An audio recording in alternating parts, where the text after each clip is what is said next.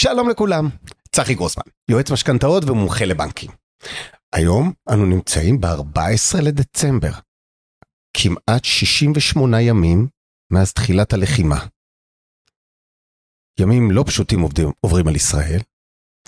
גם מצד הלחימה, היא לא הסתיימה, אנחנו עדיין בעזה, כל יום יש הרוגים. המשק מצד שני מנסה להתאושש, המשק מנסה לחזור לעבודה, אבל רואים סימנים לא טובים על המשק. מצד שלישי, הממשלה.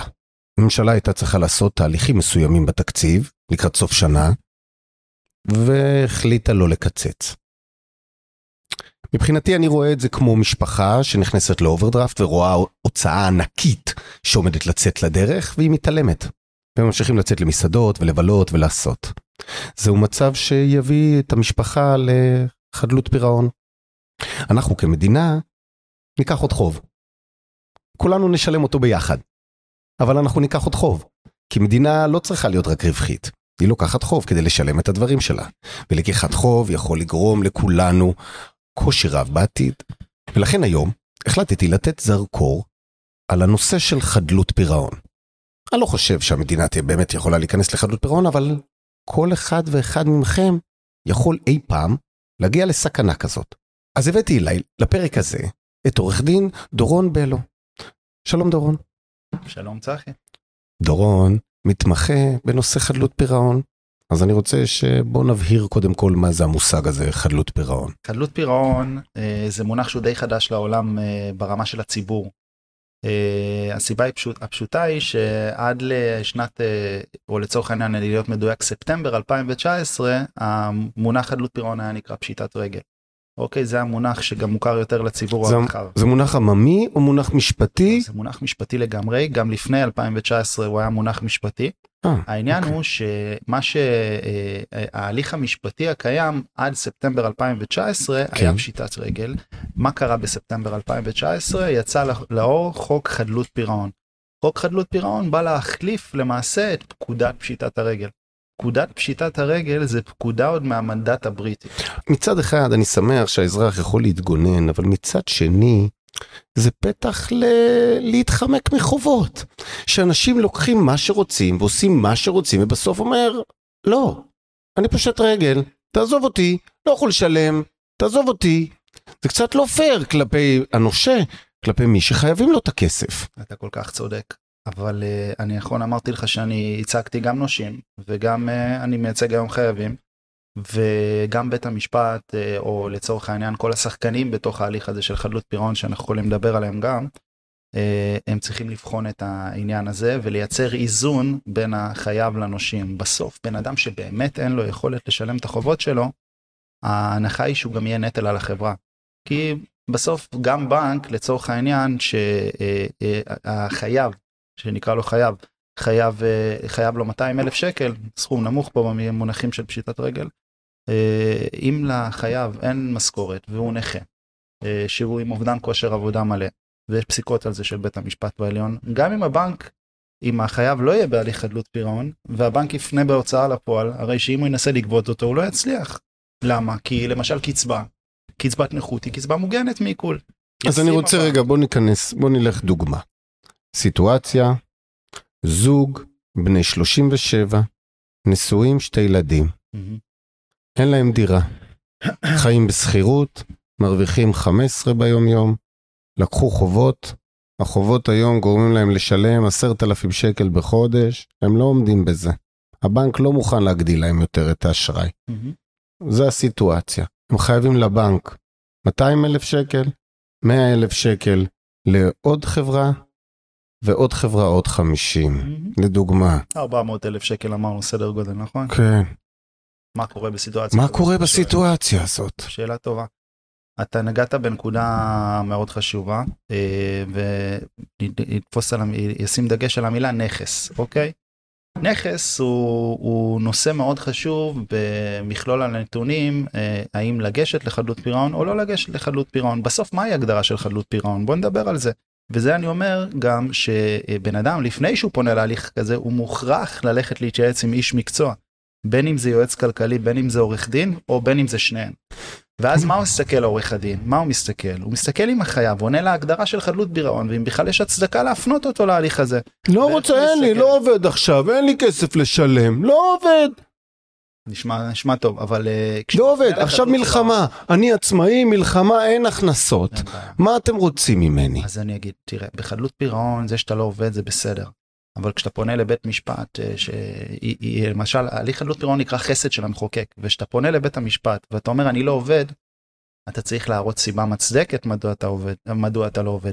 ואם אין לך סיבה מצדקת שמגובה במסמכים רפואיים, למשל נכות עם אובדן כושר עבודה מלא, אז הרי שבית המשפט יקבע לך לפי פוטנציאל ההסתחרות שלך. מהו פוטנציאל הסתחרות של בן אדם? יש הרבה פסיקות גם בנושא הזה. בן אדם, פלוני אלמוני, הוא רופא מנתח, אוקיי? מהמם. הוא בדרגת השכר שלו, הוא גם אם נסתכל על שנתיים אחורה, הרוויח 50 אלף שקל נטו בחודש. היום הוא הגיע למצב של חובות, והוא יודע שאם הוא יפנה לחדלות פירעון כשהוא רופא מנתח, אז הוא יצטרך לשלם אה, לפי 50 אלף נטו לצורך העניין, אה, ואז התשלום החודשי שלו בהליך חדלות פירעון עשוי להיות מאוד גבוה. למה? לא הבנתי את הנושא, מה זה קשור אל ה... אני אסביר, אני אסביר את פוטנציאל ההסתחרות. הבן אדם פנה כשהוא מרוויח 50 נטו, הרי תשלום בחדלות פירעון, החודשי שלך, אנחנו קופצים קדימה כי זה מאוד פעם שוב תחום רחב, אבל בחדלות פירעון נקבע לך סכום חודשי, אוקיי? הסכום החודשי הוא, למש... הוא סוג של בין היחס שבין ההכנסות להוצאות שלך, אוקיי? אוקיי. הכנסות זה מצב נתון, אוקיי? בן אדם רופא מנתח מרוויח 50 אלף, הוצאות הן נקבעות לפי... למה שבן אדם מנתח עם 50 אלף יגיע לחדלות פירעון? ש- תראה, יש בן אדם שהוא רופא מנתח ושהוא חי בפזרנות והוא לקח הלוואות שהן הרבה מעבר ליכולות והוא יעז לקחת על עצמו את ההכרזה הזאת של תראה. פשיטת רגל? אני אגיד לך. בוא, זה בוא מין כתם. שנייה, נשים שנייה בצד את הרופא מנתח כי רוב הרופאים המנתחים ברובם לא פונים לחדלות פירעון רק רציתי להעביר איזושהי דוגמה. אה, כשבן אדם מגיע והחליט על אף היותו רופא מנתח שמרוויח 50 אלף לעבוד כמורה ולהרוויח 8,000. בית המשפט יקבע לו את התשלום או הממונה על הליך חדלות פירעון שזה עוד שחקן הוא יקבע לו את התשלום לא לפי ה-8,000 שהוא מרוויח היום. אלא לפי פוטנציאל ההסתחרות שלו ומהו פוטנציאל ההסתחרות שלו? רופא מנתח 50 אלף. ופה אני נותן מענה לשאלה שלך לגבי אה, בן אדם שלא רוצה לעבוד. אז הוא לא רוצה לעבוד, אבל... פוטנציאל ההשתכרות שלו פוטנציאל גבוה יותר. ההשתכרות שלו הוא 15,000 בחודש, יקבעו לו צו של 5,000 שקל בחודש, סתם אני זורק לאוויר, הוא לא עובד, הוא לא יוכל לשלם את הצו, הוא לא יהיה בחדלות פירעון, יזרקו אותו מההליך. כלומר, בחדלות פירעון אתה נדרש לשלם משהו. בדרך כלל, המשהו הזה הוא כתוצאה של נגזרת מהפוטנציאל הכנסה שלך. נכון. ולפי זה, אז עכשיו נגיד יש לי חובות של פוטנציאל 400 אלף. שקל והייתי משלם 10,000 שקל הלוואות בחודש, אבל הפוטנציאל הכנסה שלי ושל אשתי הוא 15, אז בית המשפט תקבע שאני צריך לשלם 5 עכשיו. ל-X שנים, ל-X חודשים, תראה, בסוף אה, העניין הוא אה, גם לפי הסטטוס שלך בחיים. יש עניין של אמות מידה. מה הם אמות מידה שנקבעו אצל הממונה? קצת הזויות, חייב לציין, אין להם שום קשר למציאות. לצורך העניין, אמת מידה של בן אדם שנכנס לחדלות פירעון כשהוא רווק, אוקיי? אוקיי, אמות המידה של בן אדם שהוא רווק, הוצאות המחיה המקובלות לבן אדם רווק, תשמע, תתפוס את האוזן, 4,300 בחודש. אוקיי. זה מה שבן אדם, כל הוצאה מעבר, אם לא תהיה בגדר הוצאה חריגה שמוכרת, כמו הוצאות רפואיות חריגות ודברים כאלה, היא צריכה להיכנס לחוב. התשלום שלו. כלומר, אם הוא משתכר 10, אנחנו חושב, בית המשפט אומר, אתה יש לך 4 לחיים שלך, את כל היתרה 6, תשלם לחובות. לגמרי.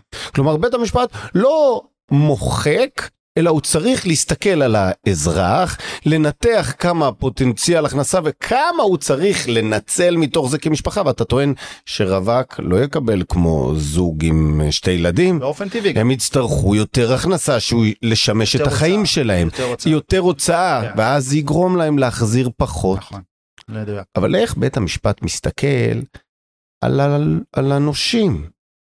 הוא בעצם מעניש את הנושה, הוא אומר לו, תראה, נושה יקר, אתה במקסימום תקבל 40% מהכסף שלך, 20% מהכסף, 30% לצד התשלום- מהכסף. לצד התשלום החודשי. קודם כל, תראה, יש איזושהי תפיסה רווחת שמדינת ישראל, פשיטת רגל, גן עדן לחייבים. אני יכול להגיד לך כאחד שמתמחה בתחום, זה ממש לא המצב. לא המצב. ממש לא המצב.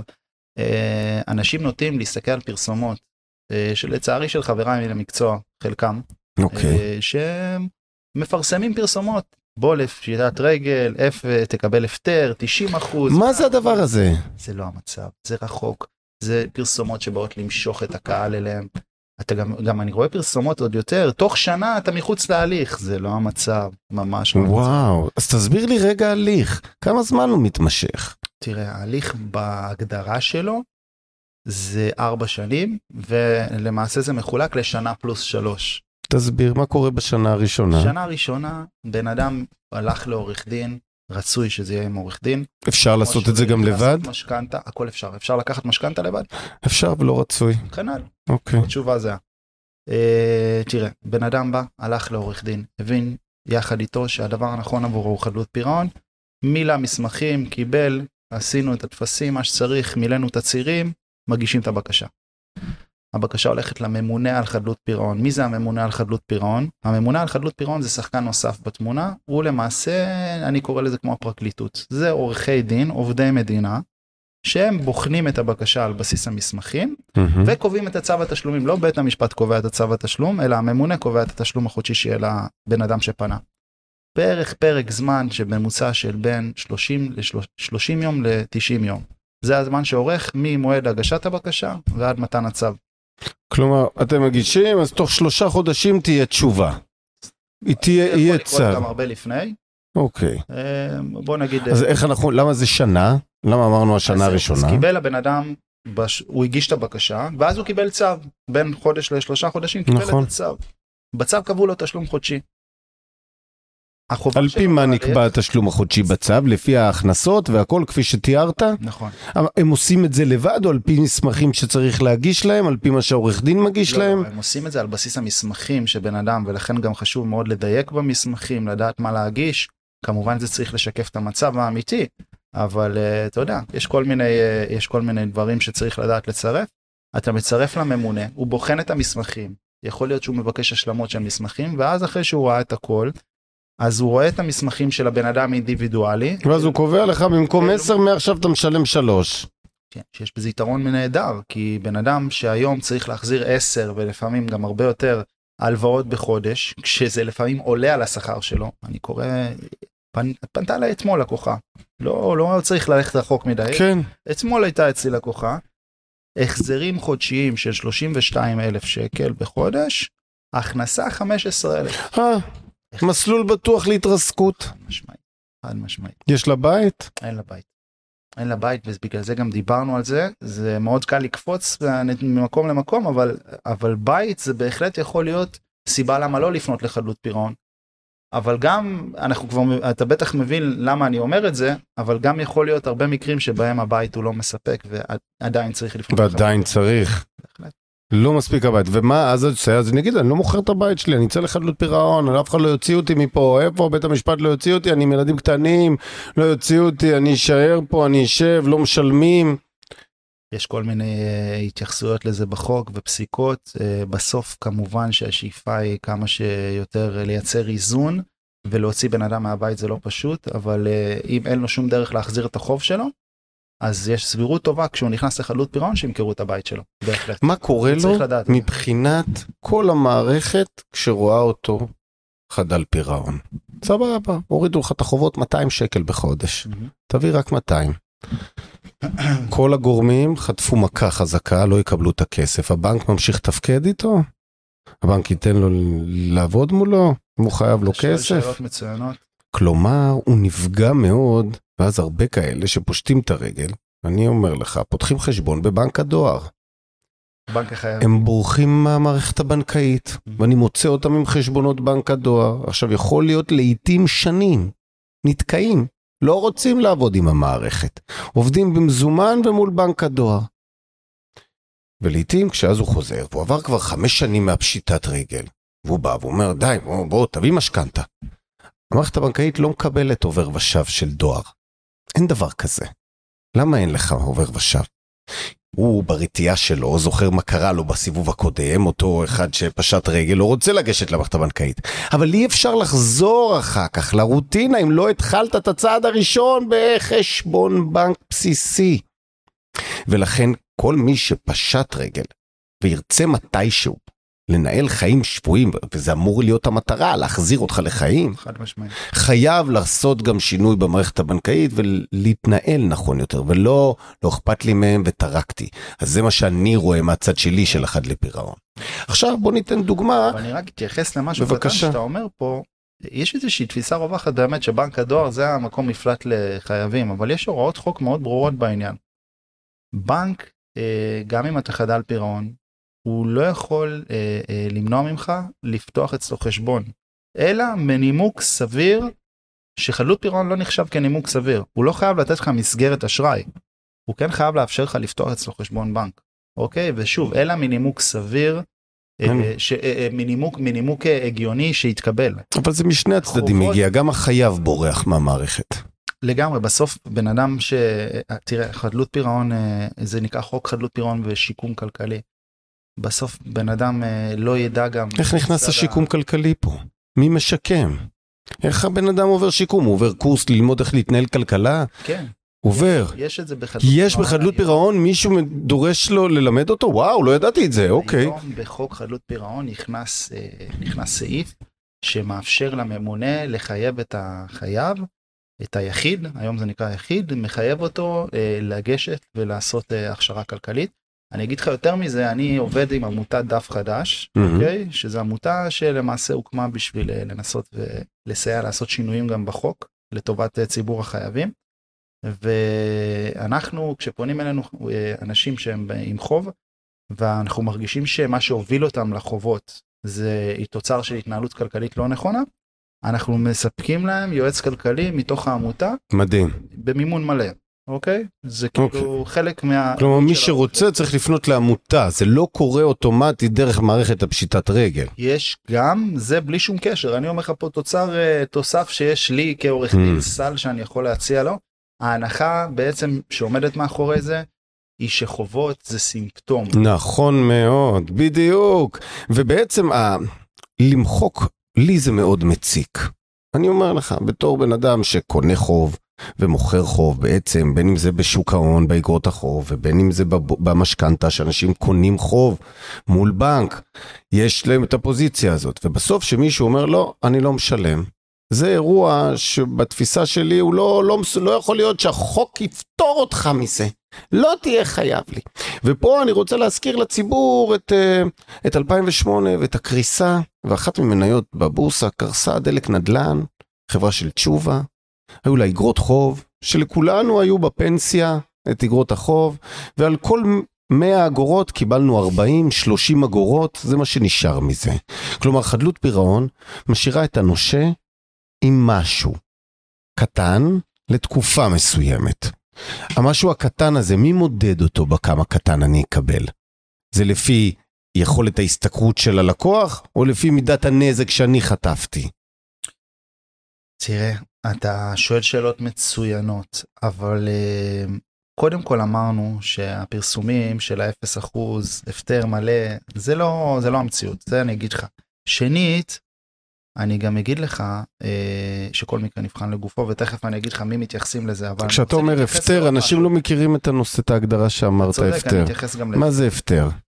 אז אז אה, נקודה אחת לפני ההפטר ברשותך אוקיי. כי אני רוצה להתייחס לעוד נקודה שהיא מעניינת אתה אומר יש פה נושה שנפגע ואתה צודק.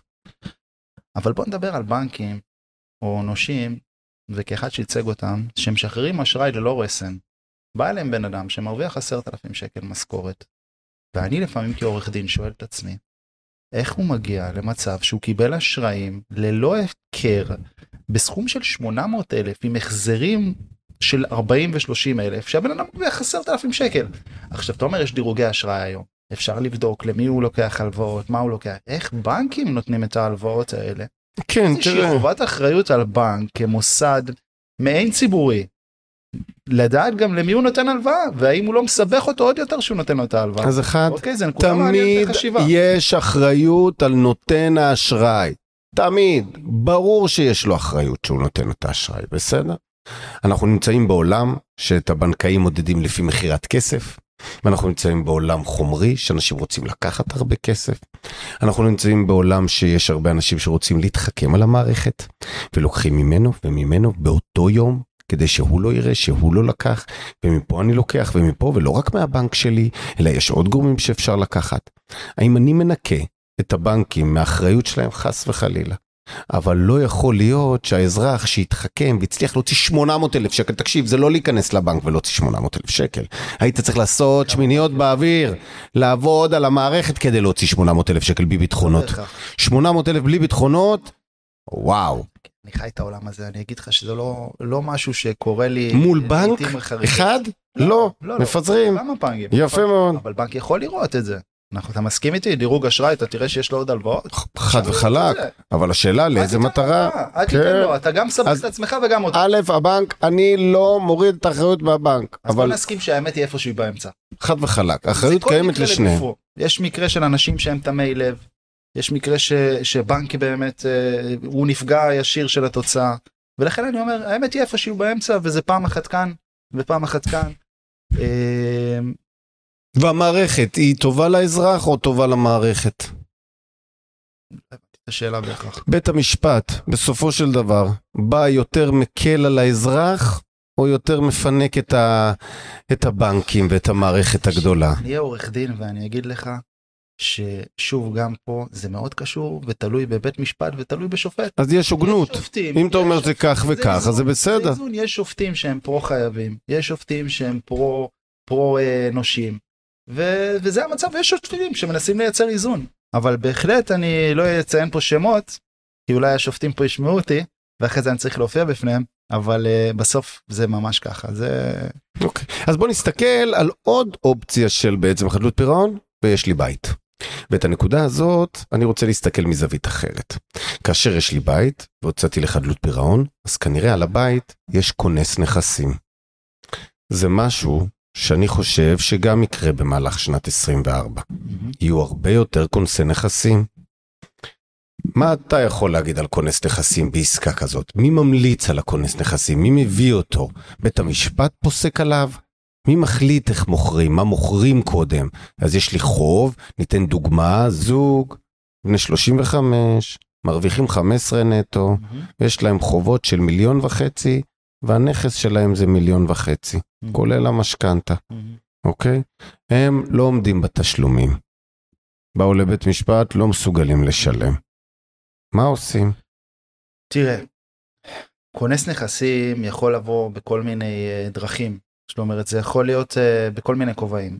Uh, כובע ראשון ומוכר זה שבן אדם לא משלם uh, את המשכנתה שלו, לבנק יש שעבוד על הנכס, ואז הבנק אה, שיש לו עורך דין שמייצג אותו, פותח תיק למימוש משכון, למימוש משכנתה. כן, אבל יש עוד חוב, שלא ממושכן הנכס, ומישהו לא, לא יוותר על החוב הזה, חברות אחרות רוצות גם את הכסף שלהם. מצוין, אבל בסוף אה, יש פה סדרי נשייה. נושה מובטח, כשמו כן הוא, זה המשעבד, שזה הבנק שנתן את ההלוואה למשכנתה ורשם לטובתו משכנתה על הנכס, והוא הראשון שיקבל את הכסף מהמכירה של הנכס ככל וימכר הנכס. האם יש לו say, האם אני עושה פשיטת רגל או לא? אני לא משלם לו איקס חודשים, לא משלם לו, לא משלם לו, לא משלם לו. הוא הולך לבית משפט, רוצה לקחת לי את הנכס, אני מכריז פשיטת רגל. מכריז פשיטת רגל, אז אמרנו שיש כמה דרכים שיתמנה כונס נכסים.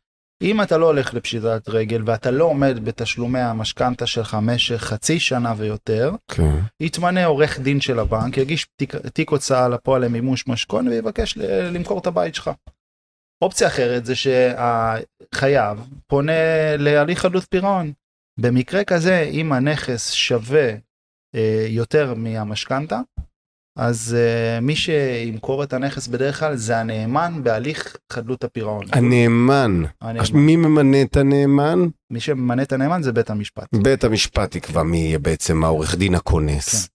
כן. והכונס הזה אחראי להוציא את הבית שלי ב best, במחיר הכי best, או מה אכפת לו, הוא יכול לטחון את המחיר ממש שלי. לא, ממש לא. מה הוא צריך לעשות? משפט, אני מאוד מקווה שבכל מקרה ומקרה יש גם עורך דין שמייצג את החייב ודואג לזכויות שלו. בסוף נכס צריך להימכר. כלומר החייב יש לו עורך דין שיכול לדבר עם אותו כונס ולוודא שהמחיר הוא מחיר טוב כדי שלא... יש גם בקרה של בית משפט שרוצה לראות חוות דעת שמאית. עכשיו בחוות הדעת השמאית יש הערכות שמאי שקובעות את שווי הנכס והן קובעות גם את שווי הנכס לפי מימוש מהיר. יש מקרים שבהם מוצדק למכור את הנכס במימוש מהיר כי... לחתוך מחיר ותביא את הכסף. כן. כן, יכול להיות מקרים כאלה שבית המשפט... אה, ולמרות שהלקוח אומר לא, אל תמכור אותו במחיר הזה, הוא שווה יותר. חייב אה, במקרה הזה יצטרך לעמוד על זה עד כמה שאפשר שהנכס לא יימכר בממוש מהיר, כי כמובן שזה נוגד את התועלת שלו. אוקיי, עכשיו כאשר יש עסקה כזאת, יכול לבוא פושט רגל ולרצות לקנות את החוב שלו, את הבית? חד משמעית כן. אז אני יכול להגיד לך שזו גם ברירת המחדל שבית המשפט היה... זו ברירת המחדל. בית המשפט היה רוצה לשאוף לזה. שהבן אדם למעשה יפדה את הזכויות שלו בנכס. אז הוא אומר, יש, אבל הוא יכול להגיד, תראה, יש לי בית מיליון וחצי, יש לי חובות, אני רוצה לתת 750 אלף, תשאירו לא, לי לא, את הבית. זה לא עובד ככה. תראה, בסוף הפדיון זכויות בנכס צריך uh, לבוא, תראה, אם עכשיו, אני, כל הזמן הולך על המילה הזאת של איזון, כי זה באמת מאוד חשוב. אם אנחנו מגיעים למצב שהבן אדם חייב uh, מיליון וחצי לבנק, כן. הנחת, שוב, במקרה של בנקים, ש... רבע מזה, אם לא חצי, זה, זה ריביות. חד וחלק. יבוא, יבוא, יבוא בית המשפט, יראה, אוקיי, הבנק יקבל פה מיליון 250, את הסכום הזה אנחנו נפרוס לתשלומים, כי יש לחייב איך לעשות את זה, אבל uh, הבנק לא יקבל את כל המיליון וחצי, הוא יקבל מיליון 250, והחייב יפדה את הזכויות שלו בנכס, כך שלא ימכרו את הנכס שלו. והוא ימשיך לקבל קורת גג, זה יצירת איזון בעיניי, אתה מבין? אבל אם עכשיו אתה מדבר איתי על 750 לחתוך ושוב מאוד מאוד קשה להתייחס לזה כי צריך לראות פה מקרה מקרה פרטני ולדעת איך להתייחס אליו.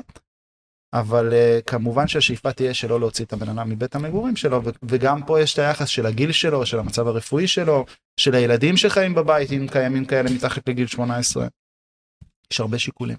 דבר נוסף יש יש תחושה, לא, אולי אני אומר תחושה, אולי יש דיבור כזה שבכונס נכסים זה רק דרך קומבינות ורק להגיע לכונס, איך כונס נכסים מפרסם? מה הוא צריך לעשות כדי לפרסם? כדי שיהיה מספיק שאם מישהו פה בקהל רוצה לקנות נכס מדירת כונס נכסים, האם יש חוקים איפה צריך לפרסם את זה, איפה אפשר לראות דירות כאלה? יש חוקים, צריך לפרסם את זה בכמה מקומות, היום יש אתרים יש אתר שמאוד מפורסם שנקרא ביט ספיריט. אוקיי. שם אתה תוכל למצוא uh, כל כל היום פרסומים של uh, נכסים בכינוס נכסים גם רכבים גם נכסי מקרקעין uh, וכדומה uh, שם מפרסמים עורכי הדין שהתמנו ככונסי נכסים בעיתונות אתה תוכל למצוא עמודים. יש עמודים ספציפיים שמפרסמים כן. ככונסי נכסים. כן כן בעיתונות אתה תמצא אה, ובסוף מזמינים את הציבור הרחב לבוא ולהציע הוצאות כי שהמטרה היא כמובן להשיא את הנכס אוקיי? המטרה היא למכור בכמה שיותר אין פה שאלה בכלל. זו מטרה שמשרתת את כולם. גם כונס הנכסים מרוויח כסף ככל שהנכס נמכר ביותר יש לו אחוז שהוא מקבל ממנו אז או, ויש פה כלומר, גם הכונס פה... גם העורך דין מרוויח מהעסקה הזאת הנאמן פה גם לא מרוויח. לא אף אחד לא עובד בחינם. העניין הוא שגם ורק החייב מפסיד. לעשות את זה כי בסוף זה גם מתמרץ את הכונס למכור את הנכס ביותר כסף וזה תועלת של החייב גם. אוקיי. אז דיברנו על חדלות פירעון ואז עברנו על הכונס נכסים על הדירה שלי שילמתי הכונס נתן לי אה, סגרו לי את החובות אבל נשאר לי איקס חובות אמרו לי לשלם אלף שקל בחודש. אני מתחיל לשלם אותו, יכול להיות שאני אפסיק לשלם מתישהו את האלף, מתישהו אני אקבל הפטר על כל החובות שלי לתמיד, או אין דבר כזה. אה, השאלה היא מאוד כללית, קשה להתייחס אליה, זה תלוי מה אתה כבן אדם שחייב את הכסף, תעשה, אם אתה בהליך חדלות פירעון, אז uh, אמרנו ש... מה אני צריך כדי לקבל את המילה הפטר? אוקיי. סיימתי. שאלת אותי מה זה הפטר קודם. כן, אז בוא, בוא נלך על הנקודה הזאת. מה זה הפטר? הפטר זה מלשון פטור, אוקיי? הפטר בסוף אמור להגיד, נגיד סתם בוא נלך על דוגמה פשוטה, בן אדם חייב 100 אלף שקל. לא שווה להיכנס בשביל 100 אלף שקל לחדלות פירעון, אבל סתם נותן דוגמה. בן אדם חייב 100 אלף שקל, פונה להליך אה, חדלות פירעון וקבעו לו צו של תשלומים של 1,000 שקל, בסדר? 1,000 כפול 48 חודשים 4 שנים שווה 48 אלף שקלים נכון? נכון. החוב שלו 100 אלף? נכון. הוא שילם 48 אלף, נגמר ההליך כי הוא עמד בכל התשלומים שנקבעו לו, יש פה 52 אלף שהוא לא שילם. נכון. זה ההפטר. ההפטר הוא הפער. ההפטר הוא על הפער של מה שהוא לא שילם. כן, פתור. ומהרגע שיש לו הפטר. אפשר לתבוע אותו. ומהרגע שיש הפטר, נמחק לו הרקורד השלילי הזה? זהו, לא, לא. לא נמחק, זה נכתב. זה נכתב לו, לא. אז ברגע שיש הפטר, נגמר האסון הזה שנקרא פשיטת רגל עבור אותו אזרח? נגמר ותם ונשלם, יכול להיות שהוא ילווה אותו בחיים. כלומר, זה הפרק של אותם שנה ועוד שלוש שדמרת. לצורך העניין. שבהתחלה זה ההגשה הזאת, לאחר מכן התקופה הראשונית, ואז כשלוש עד ארבע שנים שבהם אתה משלם משהו מתוך החוב זה מה שלך. שנקרא, אחרי השנה יש את תוכנית הפירעון. תוכנית הפירעון זה אחרי השנה יש דיון בבית המשפט. במהלך השנה הזאת, אנחנו מקודם נק- נקטענו לגבי זה וגלשנו כי יש הרבה דברים לדבר עליהם. אה, במהלך השנה הזאת, שהוא משלם את הצו שנקבע על בסיס המסמכים שהוא הגיש, הוא צריך להגיש דוחות כל חודשיים לנאמן, אוקיי? צריך להגיש דוחות, כל חודשיים, כמה, הוא הכני, כמה נכנס לו, כמה הוא הוציא. הלכת לסופר, משכורת, הוצאת 200 שקל, תשים קבלה על ה-200 שקל, כמה הוצאת? ממש בודקים אותו, יש ביקורת. בודקים את זה. על בסיס הדוחות האלה, ועוד קודם לכן, אה, או שבמהלך השנה הזאת, מזמן אותך הנאמן לחקירה. אוקיי? שואל אותך על נסיבות ההסתבכות שלך, איך יצרת את עוד החובות. פעם מדברים על זה? אחרי שכבר היינו בבית משפט ופשטתי את לא, הרגל, עוד פעם הוא מדבר לא, איתי? זה פעם ראשונה שמדברים על זה. הוא הגיש מסמכים לממונה, כן. בשנה הראשונה. הגיש מסמכים לממונה, ניתן לו צו. התחיל ההליך משפטי התחיל ההליך המשפטי, אוקיי. בשנה הזאת הוא מגיש דוחות כל חודשיים, משלם את התשלום החודשי שנקבע לו, כל חודש. מעבר לזה הוא, מג... אה, אה, הוא מוזמן לחקירה אצל הנאמן, אוקיי? הנאמן שואל אותו איך הסתבכת, מנסה להבין אם זה בתום לב, תום לב זה מאוד חשוב בהליך, כי המחוקק פוטר אותך מחובות, הוא רוצה לראות שאתה לא יצרת את החובות ב... בכוונה, בזדון. בכוונה בזדון, שאתה לא עשית את זה במרמה, יש דברים שלא יפטרו אותך. ראה הנאמן, בדק את הדוחות, הזמין אותך לחקירה, נותן המלצה לבית המשפט מה צריך להיות. על זה עורך החייב או עורך הדין שלו באמצעותו יכול להגיש את העמדה שלו. מגיעים לדיון בחלוף שנה, ובשנה הזאת נותנים לו תוכנית פירעון לעוד פרק זמן, שלוש שנים לצורך העניין. הבנתי. ואז הוא מקבל את ההפטר.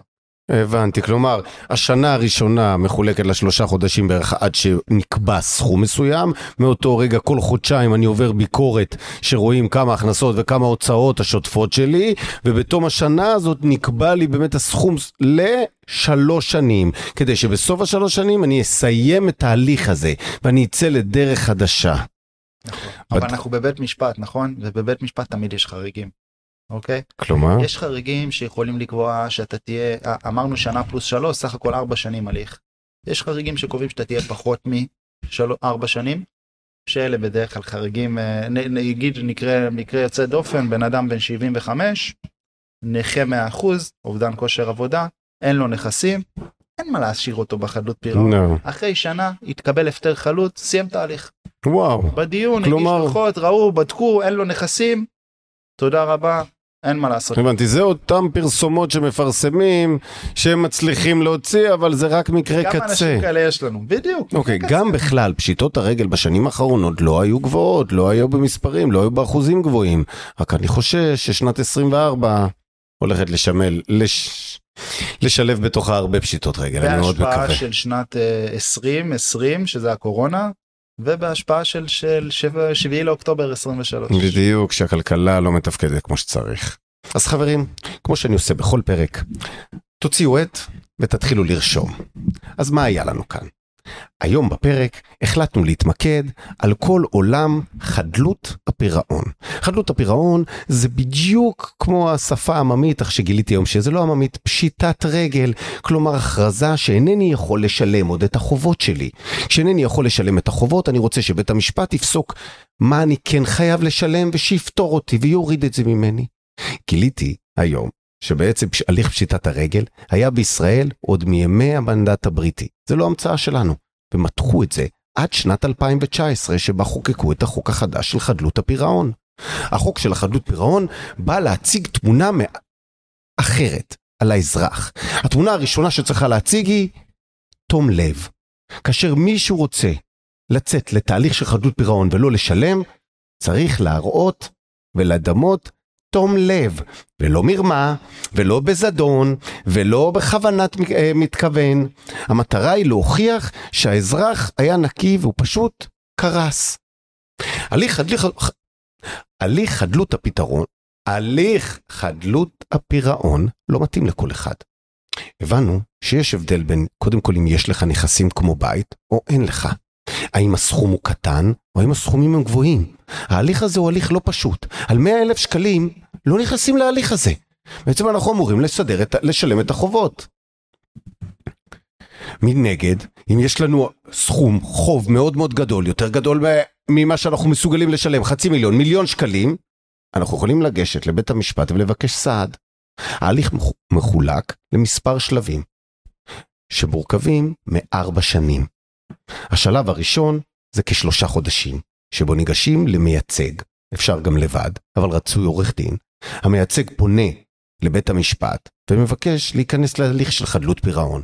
מגישים הכנסות, מגישים הוצאות, ובית המשפט אמור לפסוק אחרי שלושה חודשים כמה הוא חושב שנכון שתתחיל לשלם מעכשיו.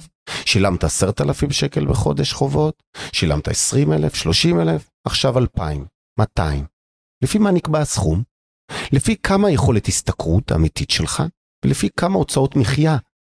לרווק, הוצאות המחיה שלו זה 4,000 שקל. אז אם הוא מרוויח 10, ו-4,000 שקל זה הוצאות המחיה שבית המשפט קבע, אז שש הוא יצטרך להמשיך לשלם חובות, והוא לא יכול להתחמק ולא לשלם פחות כלום. או יותר, פחות או יותר. אתה נוגע, כמובן, אתה נשמע שהבנת. נהדר, אבל... אה, כמובן שיש סייגים לכאן ולכאן, אבל יש כיוון. והכיוון הוא כזה שאני לא אקבל סתם מספר, אלא בית המשפט גוזר את זה מנתונים שלנו. לאחר שנקבע הנתון, עברו שלושה חודשים, ואנחנו מאותם רגעים מתחילים להיבחן כל חודשיים. נבחנים שוב על הכנסות והוצאות, יש לנו הוצאות, צריכים להביא אפילו חשבוניות. מסתיימת השנה, ומבינים האם מה שנקבע זה מה שמתאים, ואם כן, יש לנו עוד כשלוש שנים קדימה לשלם. כמובן, מה שאני אומר זה לא מדויק, כי יש כאלה שהסכום הוא נמוך מאוד, והוא בן אדם מבוגר, ויכולים לפתור אותם גם אחרי שנה. אבל כתפיסה, עליכם להבין שאם יש לכם חוב של מיליון שקל, בסוף אתם תשלמו עליו סכום מסוים, 20 אחוז, 10 אחוז, 30 אחוז, 40 אחוז, 50 אחוז. זהו סכום מסוים שבתמורתו אתם נענשים משפטית להיכנס להליך. לא תקבלו אשראי מהמערכת הבנקאית, אבל אסור לא לתת לכם לפתוח חשבון בנק. ואני מוסיף, חשוב שיהיה לכם חשבון בנק. לא לברוח מזה, לא לחזור לחיים של המזומן ולבנק הדואר, אלא לתקן את הדרך ולצאת לדרך חדשה. אם זה לא קרה במרמה, אין סיבה להישאר ככה. אין שום סיבה. כי אתם תרצו משכנתה בעתיד, אתם תרצו לחזור למערכת הבנקאית, אתם תרצו לעשות עסקים. אז נפלתם תקופה מסוימת, החיים זה רכבת הרים. יש תקופות שאנחנו למעלה ויש תקופות שאנחנו למטה. דבר נוסף, הסתכלנו על חדלות פירעון כאשר יש לנו בית. והבנו שבית המשפט ממנה כונס, נאמן על הבית שלנו, והנאמן יצטרך למכור את הבית. עדיפות הראשונה שאנחנו נקנה את הבית מהנאמן. אבל בשביל זה צריכים כסף. בשביל זה לרוב מי שמגיע למצב שהוא חדלות פירעון אין לו את הכסף, והוא עם הגב לקיר, ולכן רוב הסיכויים שיכולים לקחת לו את הבית למרות שבית המשפט ממש רוצה שהוא יישאר עם הבית שלו. בסופו של דבר עלינו לזכור שמהלך של חדלות פירעון יש כמה צדדים. ומצד אחד יש את הלווה ומצד שני יש את המלווים. ולא פייר שהמלווים יחטפו. אז דיברנו על כך שהבנקים הם חזקים והם יודעים לבדוק אתכם ויודעים לבדוק אותנו ולכן הבנקים כשהם באים מול בית המשפט ובית המשפט אומר למה נתת כל כך הרבה חוב? כלומר גם האחריות קיימת על הבנק ולא רק על האזרח. אבל אני בתמונת מצב שלי תמיד רוצה לדבר עליכם, על האזרח ועל האחריות שלנו לא להגיע לחדלות פירעון. חדלות פירעון זה הליך לא טוב. לא טוב. אם חייבים עושים אותו. ואם יש בית עדיף למכור לפני שנכנסים לחדלות פירעון. כי אלה שיאכלו מאיתנו את העורך דין ובית המשפט והנאמן, יאכלו מכם את הכסף. המטרה היא שאתם תצאו ביד חזקה מסיטואציה. אז האם כדאי להיכנס להליך חדלות פירעון? אני אומר במפורש שלא. האם לפעמים זה מצב שכן? כן, בהחלט. בסוף המצב הזה קיים כדי לעזור גם למקרי קיצון. אני חושש מאוד שהשנה הקרובה תביא מקרי קיצון כאלה רבים יותר, וכדאי שכל אחד ואחד מאיתנו יבדוק לעומק ויראה את החוב שלנו, את היכולת תשלום, אולי להסדיר חוב, ולדבר עם הבנקים, ולא להגיע למצב כזה. איך סיכמתי? צחי, תשמע, אני חייב לומר שאתה תלמיד נהדר. אה, חשוב לי, אני מקווה. יכול להיות שפספסתי קטנות, ואני ממש מקווה שניסיתי לדייק כמה שניתן, ועדיין אני לא עורך דין מפופל כמוך. ולכן לכם המאזינים, אם אני רוצים לדייק, להתקשר לעורך דין. תרצו לדבר עם החבר, מכאן, בשמחה אני אחבר אתכם לדבר, ואם לא, תתייעצו עם עורך דין, ולא לקפוץ ישר שמפתים אתכם עורכי דין, כן, כן, תוך שנה אתם יוצאים, לא, תבינו, אתם נכנסים למסע של כמה שנים, עם הרגשת, אני לא אגיד עוד קין, אבל הרגשה לא טובה עליכם. ולכן לא לרוץ להליך הזה ישר, לנסות להסדיר את החובות מראש. אה, אני מסכים עם 99% מהדברים שאמרת, אמרת דברים נכונים.